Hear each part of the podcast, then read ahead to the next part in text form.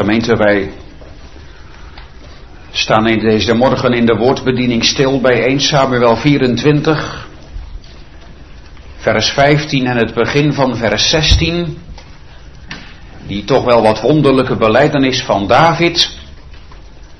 Naar wie is de koning van Israël uitgegaan? Wie jaagt gij na? Naar een dode hond, naar een enige vlo. Doch de Heere zal zijn tot rechter en richten tussen mij en tussen u.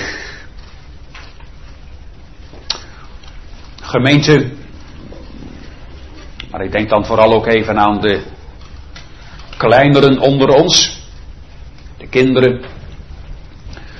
Ik denk dat we allemaal wel die bekende geschiedenis kennen uit het Nieuwe Testament dat de apostel Paulus terecht staat voor de stadhouder Festus. Um, Festus die geacht wordt als rechter recht te spreken in die aanklacht die daar tegen de apostel Paulus is neergelegd. Maar of deze rechter ook recht zal doen, of die ook werkelijk recht zal spreken, of die Paulus ook werkelijk recht zal verschaffen, nou dat is eigenlijk nog niet eens de vraag.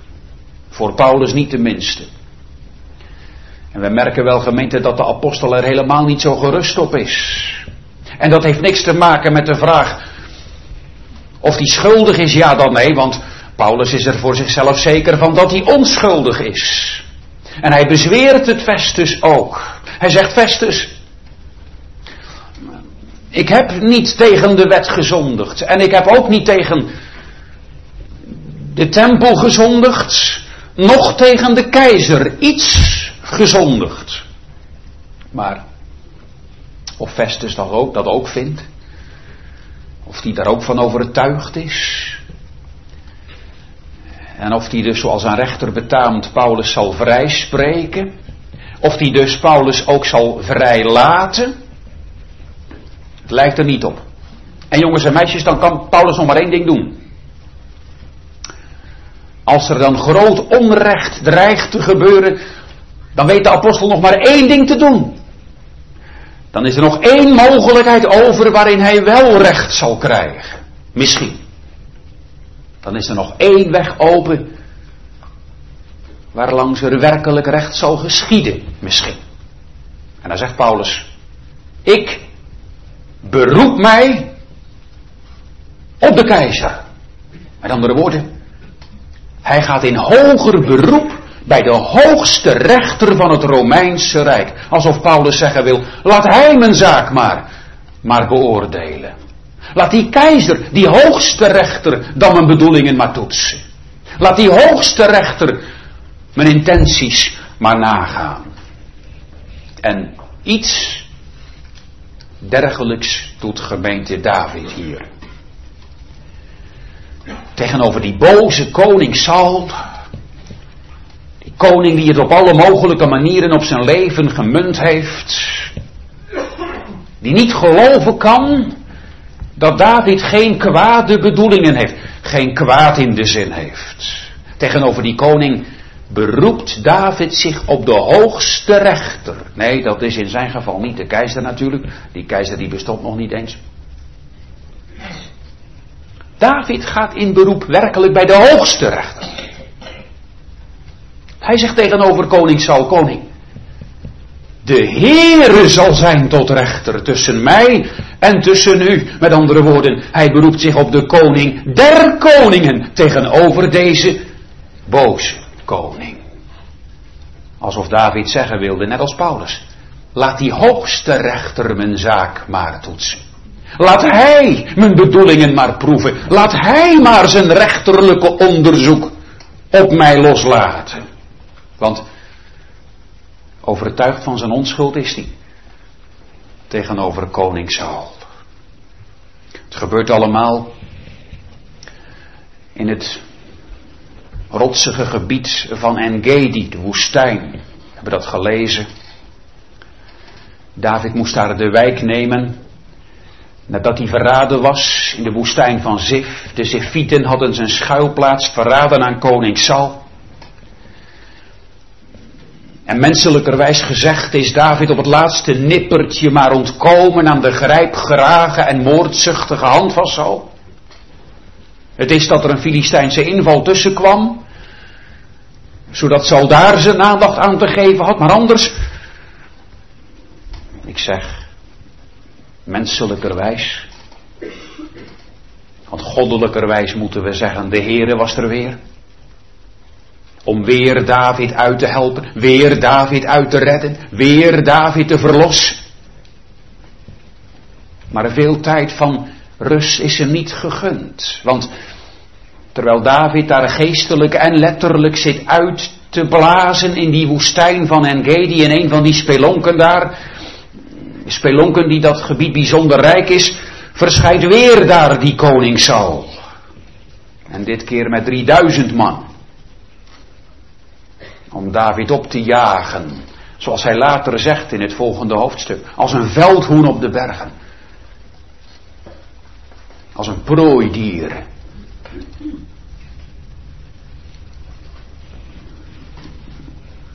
En we kennen allemaal het verloop van de geschiedenis. Ik ga dat niet uitgebreid allemaal door exerceren. Dat is ook niet nodig.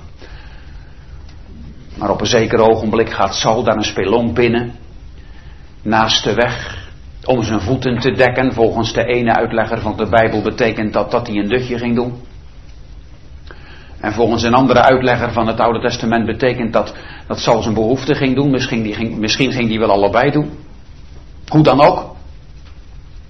Juist in die spelonk waar David en zijn 600 man zich schuilhoudt.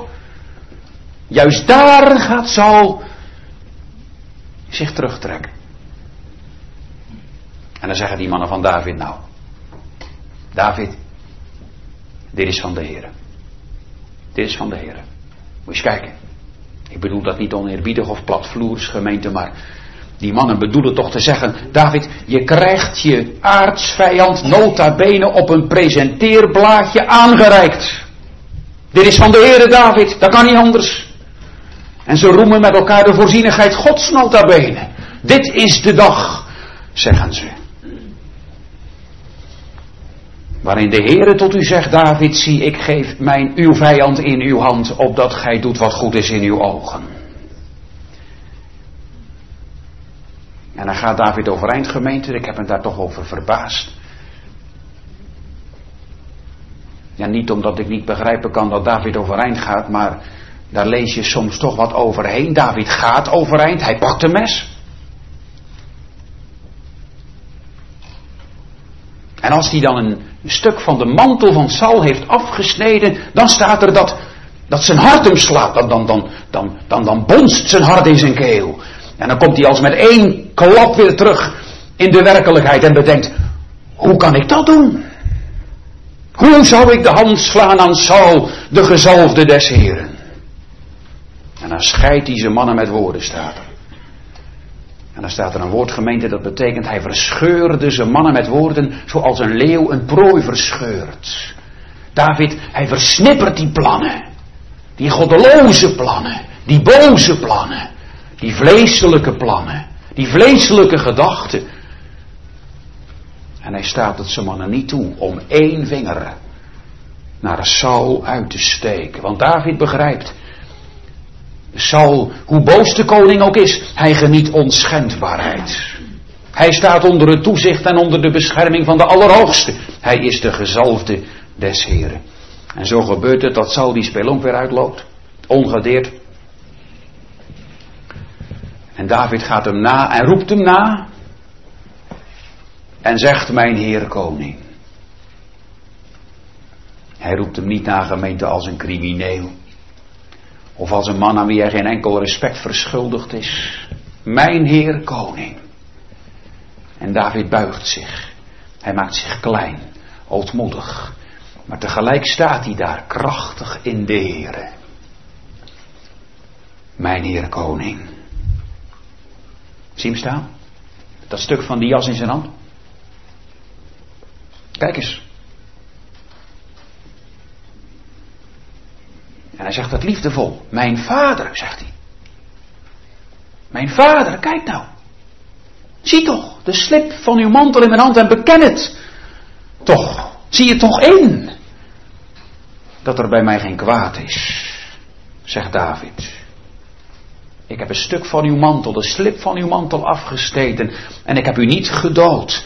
Zie toch dat er geen kwaad of overtreding in mijn hand is. Met andere woorden, hij betuigt zijn onschuld. En daarom begon ik met het voorbeeld van Paulus. Zal moet geloven dat David geen kwaad in de zin heeft. Dat hij hem niet naar de kroon staat en ook niet naar de troon staat. En dan brengt die Saul ook nog een oud spreekwoord in herinnering. Van de goddelozen zal komt goddeloosheid voort. Maar mijn hand zal tegen u niet zijn. Met andere woorden, laat Saul hem toch niet voor een opstandeling houden. Laat Saul hem toch niet voor een, voor een vijand verslijten. Want van de goddelozen komt goddeloosheid voort. En Saul kan aan zijn handel en wandel toch aflezen dat David niet bij hen behoort. Uit zijn daden blijkt toch het tegendeel. Ik heb u heden niet gedood, Saul. De Grieken zouden zeggen, gemeente, een boze raaf legt een boos ei. En de Heer Jezus zou zeggen, een kwade boom brengt kwade vruchten voort. Maar een goede boom niet. Zal Saul om geloven, jongens. Als David hem bezweert, Saul, je hebt van mij niks te vrezen. Ik heb geen kwaad in de zin. Ik heb je dood niet op het oog, zal Salom geloven. En zal de koning zijn, zijn verbeten strijd en zijn verbeten jacht staken? Zal die afzien van de dood van David? Het lijkt er even op, maar het blijkt van niet. En dan komt het. Dan doet David datzelfde op een zekere manier wat Paulus deed. Want Paulus ging in beroep bij een aardse rechter. David gaat in het hoogste beroep. Bij een hemelse rechter. Laat die zijn onschuld maar bewijzen. De Heere zal zijn tot rechter tussen mij en tussen u zal. Laat de Heere hem maar oordelen. Laat de Heere zijn hart maar beproeven. Laat de Heere zijn bedoelingen maar toetsen. Laat, zijn, laat de Heere zijn leven maar tegen zijn licht houden. En laat die maar beslissen wie er koning zal zijn. Naar wie is de koning van Israël uitgegaan? Wie jaagt gij na? Naar een dode hond en naar een enige vloot. Doch de Heere zal zijn tot rechter tussen mij en tussen u. Nou gemeente, dat is geen taal van een rebellenleider. Toch? David vergelijkt zich met een, een dode hond en een enige vlo. Dit is niet de taal van een aanvoerder van, van, een, van een groep guerrilla-strijders. Dit is niet de taal van een, van een verzetsleider. Het mag duidelijk zijn dat Saul niks van David te duchten heeft. Hij heeft geen boze bedoelingen. Maar nog afgezien daarvan, wie is David eigenlijk? Dat Saul hem vrezen zou. Dat hij van hem wat te duchten zou hebben. Naar wie is de koning van Israël uitgegaan? En dan vergelijkt David zich met een dode hond en een enige vlo. Dat is ook wat, jongens. Ja, meisjes. David vergelijkt zich met een dode hond en een enige vlo. Wie doet dat nou? Ik weet zeker dat jij en dat ik, dat wij ons veel liever vergelijken met een groot dier. En een sterk dier, een snel dier. Een mooi dier. Ik weet zeker dat er zijn vanmorgen die zeggen, ja kijk, noem eens wat. Een tijger, dat spreekt mij tot de verbeelding. Of een orka. Zo'n soort dier. Indrukwekkend. Snel, krachtig. Wie vergelijkt zich nou met een dode hond? Of met een vlo. David neemt Ik denk bijna de twee meest verachte dieren uit de Bijbel. Die we in de Bijbel tegenkomen, gemeente. Een dode hond. Ja, met een dode hond ben je helemaal zo klaar. Dat beest dat leeft niet eens. Een dode hond. Als er een bordje staat bij een huis hier waar ik. En het zou over een dode hond gaan, nou hoef je niet bang te zijn. Hoef je ook geen stapje terug te doen. En die zou je niet bijten. Een dode hond. Daar gaat geen enkele dreiging vanuit. Ik denk gemeente dat, zal, dat David dat ook zal duidelijk wil maken. Er gaat net zoveel dreiging van David uit in zijn richting als er dreiging uitgaat van een dode hond. Geen enkele dus. Wie is daar nu bang voor?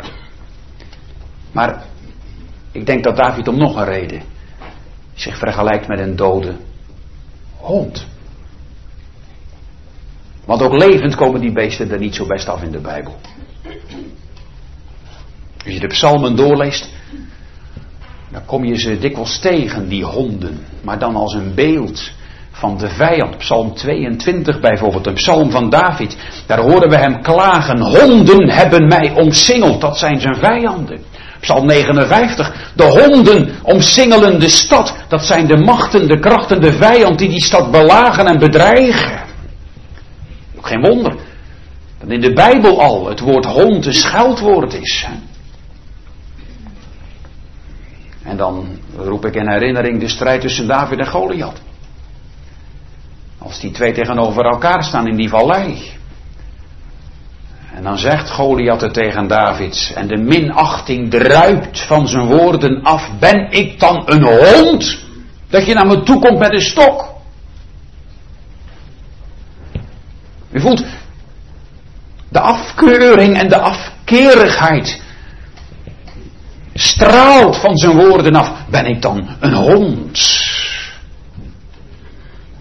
Ja, dat zijn minderwaardige dieren in de ogen van velen in die tijd. In de Bijbel komen we het nog vaker tegen, dat beeld. Van de honden, de onreinen, zij die buiten staan, die er niet bij behoren. Paulus, en dat zijn we niet zo van Paulus gewend, zou je bijna denken. Maar Paulus noemt die mensen die heel nadrukkelijk van de waarheid afwijken in de brief aan de Filippenzen, het tweede hoofdstuk. Hij noemt ze daar de honden. Ziet op de honden, ziet op de kwade arbeider, ziet op de versnijding. De onreinen, zij die buiten staan. Trouwens, wat zegt de Heer Jezus tegen die Canaanese vrouw? Die vrouw die hem naliep met haar smeekbede, Heere help me toch, ontfermt u zich over mijn dochter, want ze is van de duivel bezeten. Dan zegt de Heer Jezus tegen die Canaanese vrouw, moet u eens luisteren.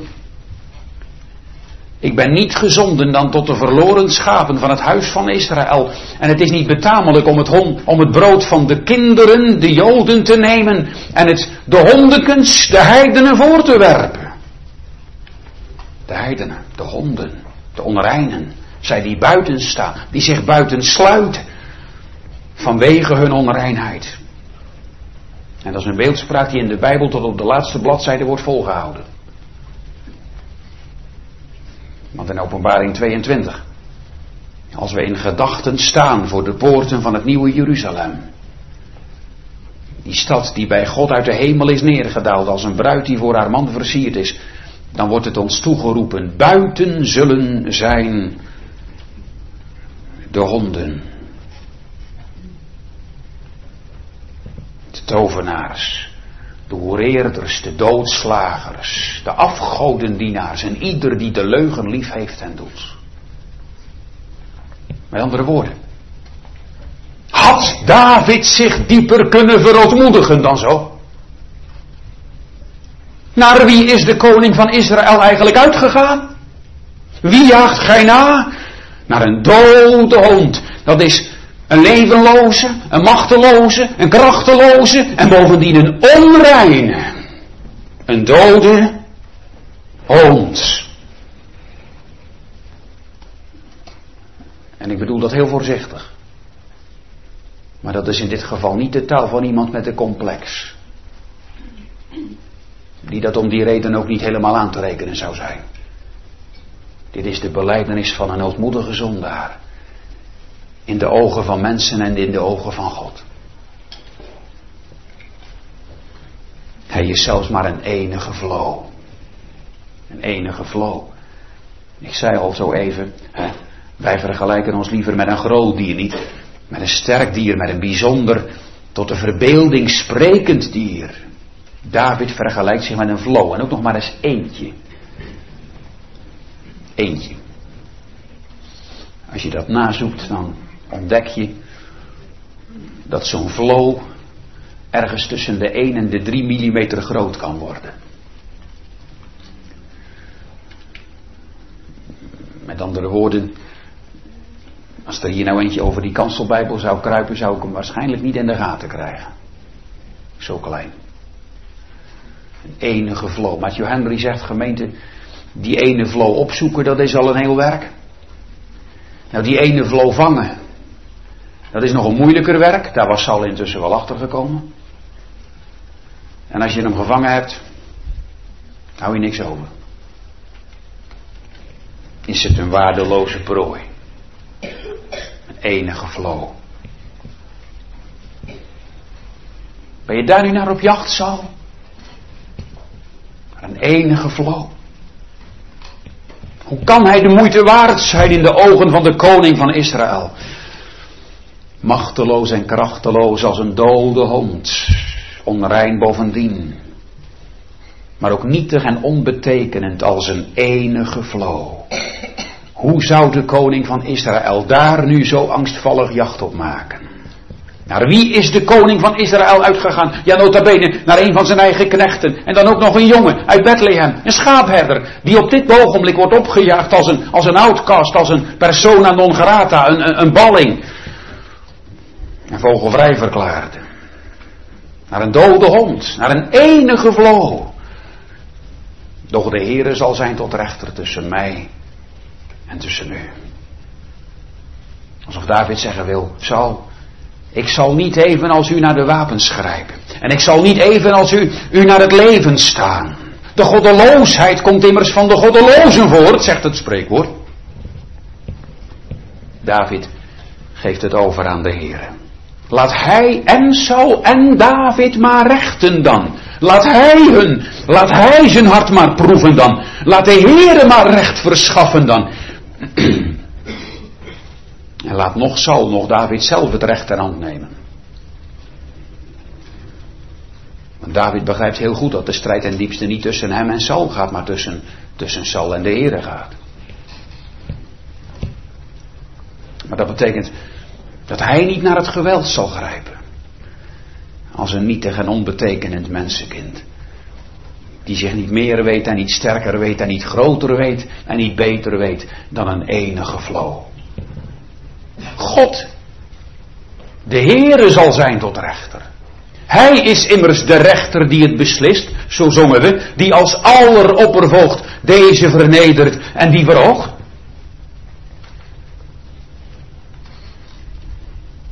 De Heere zal zijn tot rechter tussen mij en tussen u. Oh, maar is dat niet gevaarlijk, David? Is dat niet gevaarlijk? Laat de Heere onze rechter zijn. Ja, wacht even, wat komt er dan voor de dag? Wat komt er dan voor de dag? Als de Heere recht gaat spreken, gemeente, dan zal er ook recht geschieden. Als de Heere recht gaat spreken, zal er ook sprake van recht zijn. Kijk eens, een aardse rechter kan zich vergissen in zoveel zaken. En we weten daarvan, we lezen daarvan, we horen ervan op zijn tijd. En mensen die, die onschuldig zijn, die, die worden vastgehouden en, en, en blijven soms vastzitten. En mensen die, die, die schuldig zijn, die komen vanwege procedure, fouten of vormfouten, komen die op vrije voeten. En vandaag de dag hebben we in dit land zelfs rechters die onbevoegd blijken achteraf. Zodat mensen op straat komen en een dag later de politie ze weer, ze weer op kan gaan zoeken. Gerechtelijke dwaling. Nou, daar is bij deze rechter geen sprake van, van gerechtelijke dwalingen. David weet dat. Als de Heer recht doet, dan zal het volmaakt en volkomen recht zijn, zoals alleen God recht kan verschaffen.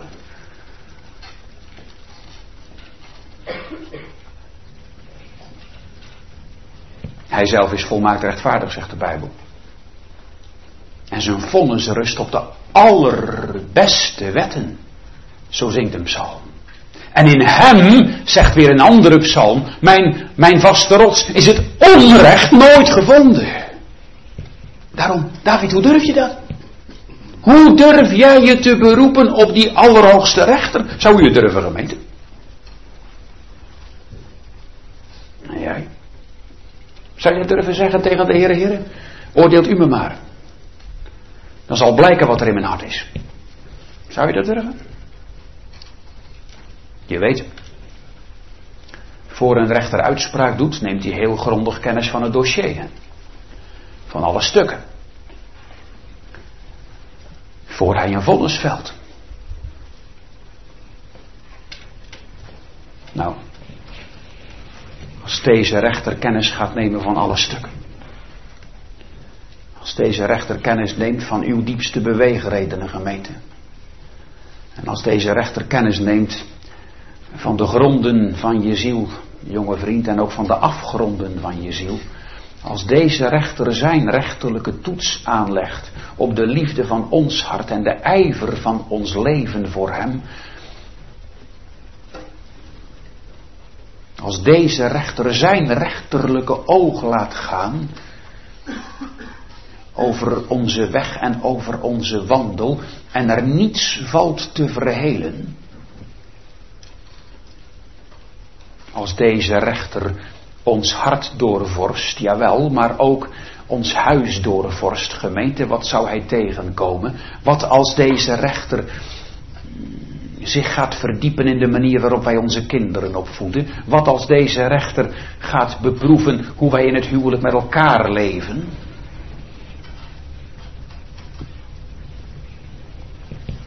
Zou u er gerust op zijn? Jij? Zou u zeker zijn? Dat de rechter tot de slotsom zou komen, deze mens is onschuldig. Inderdaad, het is waar. Misschien dat, iemand, dat een van jullie denkt, ja maar dat weet David toch ook wel. David weet toch ook met wie hij van doen heeft. Ja, wat dacht je? Of die dat wist. En niet alleen in de ogen van een man, van een mens als Saul, weet David zich een dode hond en een ene gevlogen gemeente. Wat dacht u? Wat zal hij in de ogen van God zijn? In zichzelf.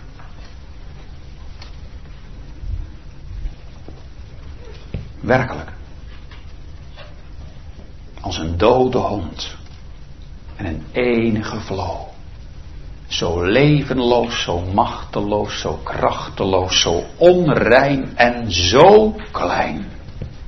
Zo nietig. Die vlo zou er ook groot bij zijn, denk ik. Want God laat zijn oog vallen op hetgeen niets is. Nou, dat is nog minder dan 1 tot 3 mm. Wat dacht je dat de Heer bij ons vond? Iets meer dan dat, iets beters dan dat? Nee. De Heere vindt toch bij ons enkel maar dingen, gemeente, die om zijn rechterlijke vonnis vragen. Of is die heilige schrik u vreemd? En is dat nooit door uw hart heen gehuiverd? De wetenschap dat zijn oog op ons is. En dat zijn blik op ons rust.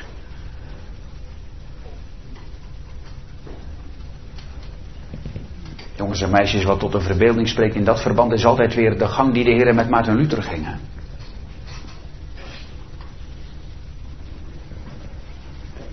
Die wisten beven voor God.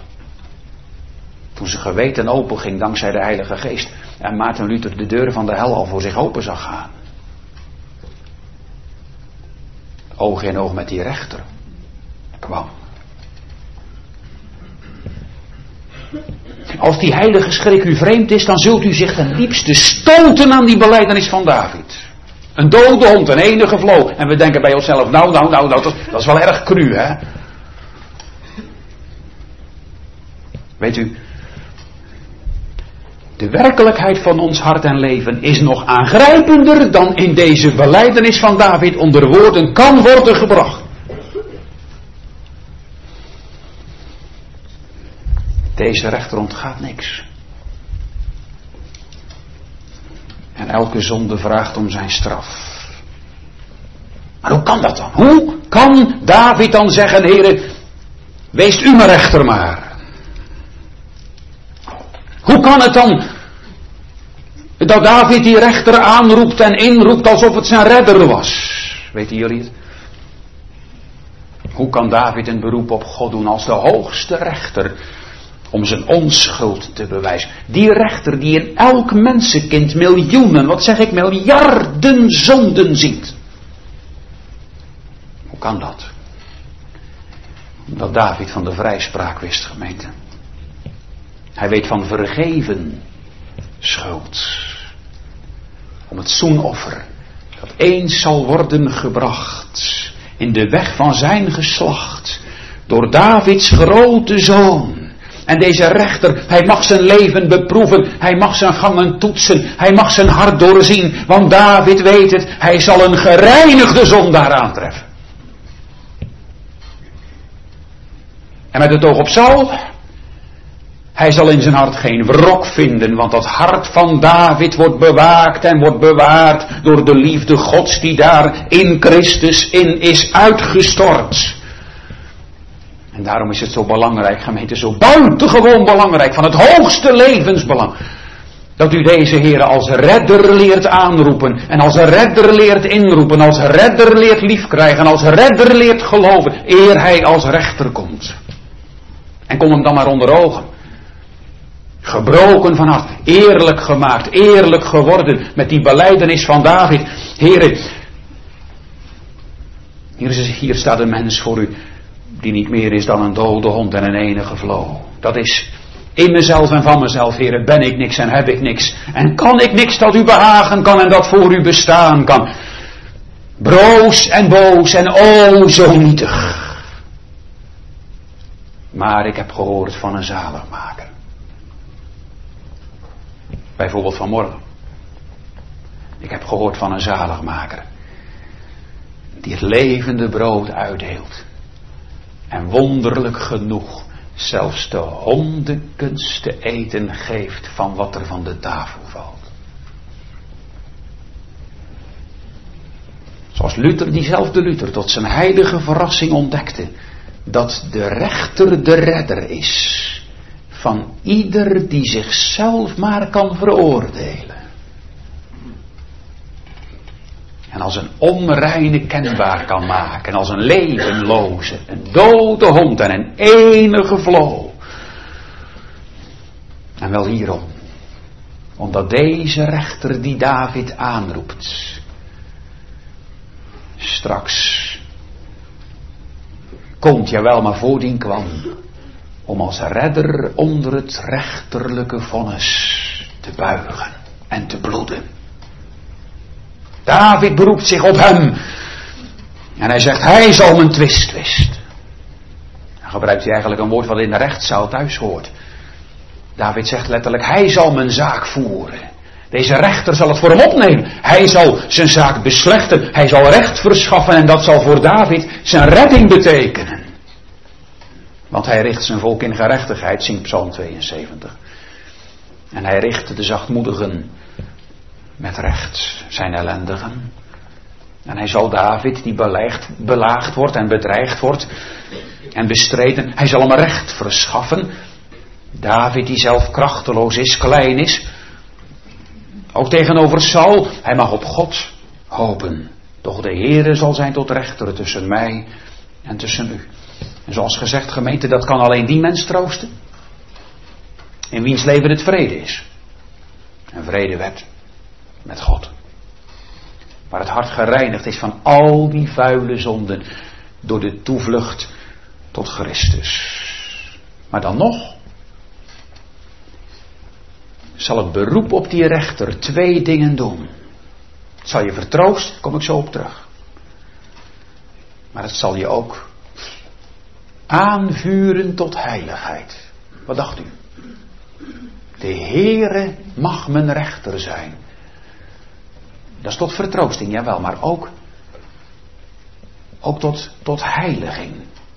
Denk het u in, deze rechter beziet mijn leven. Dat zal David ook gewaar geworden zijn. Hij zegt in het vervolg van de tekst, de Heere zal erin zien zal. Nou, erin zien. In het bestaan. Nou, wie zich dat bewust is, voor die zal dat woord, zijt heilig, want ik ben heilig, wat meer zijn dan een bekende, een vertrouwde en misschien wel een gekoesterde klank. Dan weet ik, de Heere speurt mijn leven door. Dan weeg je je woorden. Dan ben je met David voorzichtig op al je wegen. Dan doe je niet zomaar ergens aan mee. Dan is het niet belangrijk dat iedereen het doet. Dan is alleen maar van belang wat de Heer ervan zegt. En dan zoek ik de grenzen niet op. Nee, ik mijd en ik vliet de zonde, zou de Heidelberger zeggen. Ik zoek het te ontgaan en zo ver mogelijk uit de buurt van al die dingen te blijven die die heilige liefde en dat heilige recht van mijn rechter kan vervuilen. De Heere zal zijn tot rechter. Andersom gemeente is dat in het leven een buitengewone troost.